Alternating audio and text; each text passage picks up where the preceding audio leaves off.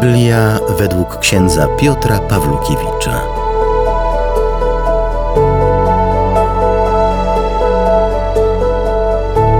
Z pierwszej księgi Samuela. Samuel spał w przybytku Pana, gdzie znajdowała się arka przymierza. Wtedy Pan zawołał Samuela, a ten odpowiedział: Oto jestem. Pobiegł do Helego, mówiąc mu: Oto jestem, przecież mnie wołałeś. Heli odrzekł: Nie wołałem cię. Wróci, połóż się spać. Położył się zatem spać. Lecz Pan powtórzył wołanie Samuelu. Wstał Samuel, pobiegł do Helego, mówiąc: Oto jestem. Przecież mnie wołałeś. Odrzekł mu: Nie wołałem cię. Wróć i połóż się spać.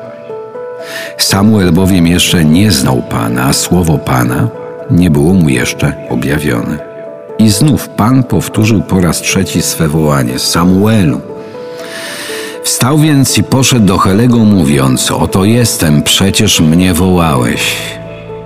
Heli spostrzegł się, że to Pan woła chłopca.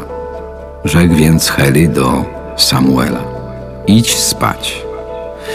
Gdyby jednak kto cię wołał, odpowiedz: Mów, panie, bo sługa twój słucha. Odszedł Samuel i położył się spać na swoim miejscu.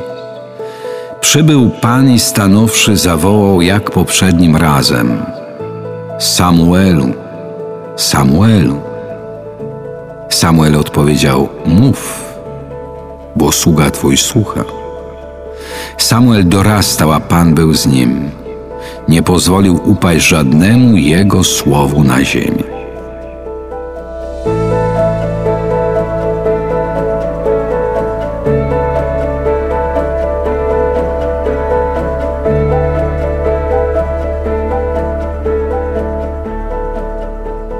Smak tej, tego czytania, żeby zrozumieć, trzeba sobie uświadomić, że Heli miał dwóch synów, którzy delikatnie mówiąc nie po Bożemu żyli.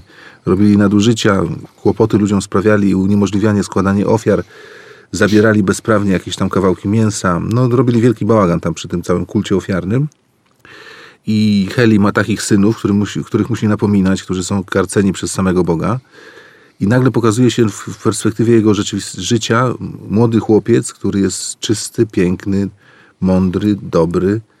No, ogromna pokusa, żeby go zgarnąć dla siebie, żeby uczynić z niego takiego swojego gieremka, jakiegoś tam syna pułku, czy jak to nazwać.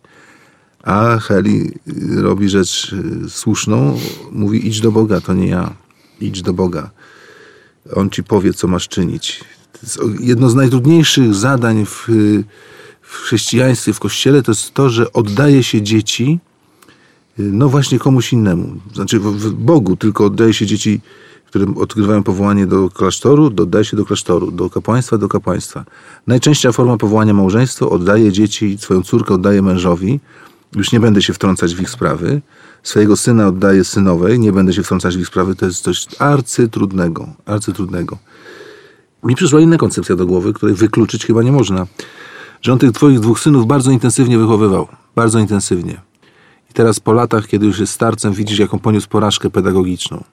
I nie chce popełnić błędu może z Samuelem. Może zrozumiał, że, że trzeba dać wolność synowi, czy naturalnemu, czy duchowemu. Trzeba dać wolność córce, mężowi, żonie.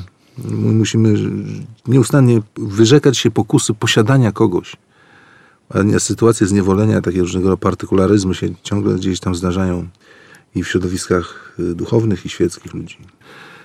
Zauważyłem takie zjawisko u dziewczyn, kobiet, które wyjdą za mąż, że przez pewien okres czasu lubują się sformułowaniem mój mąż. Otóż mój mąż, otóż proszę Państwa, z moim mężem, otóż proszę Państwa, o moim mężu no tak, ja rozumiem o co chodzi, ale tak ściśle rzecz biorąc teologicznie to nie jest twój mąż, to jest mąż, mąż Pana Boga i żona Pana Boga.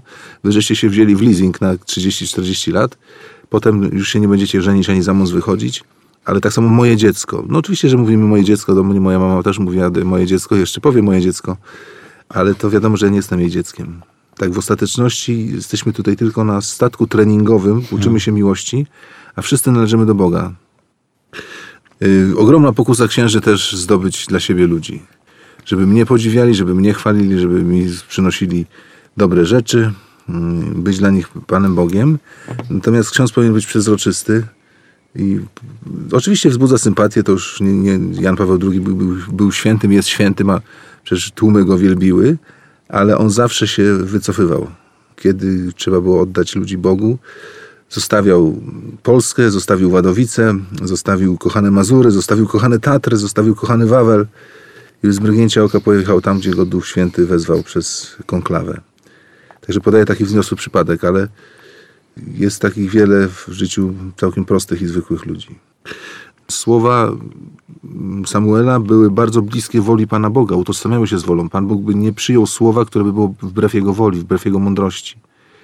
Słowa Samuela przed Panem były pełne, były czyste, były dobre, były jasne, były zgodne z wolą Bożą i dlatego Pan je wszystkie podtrzymywał. Żadne z nich nie upuścił na ziemię.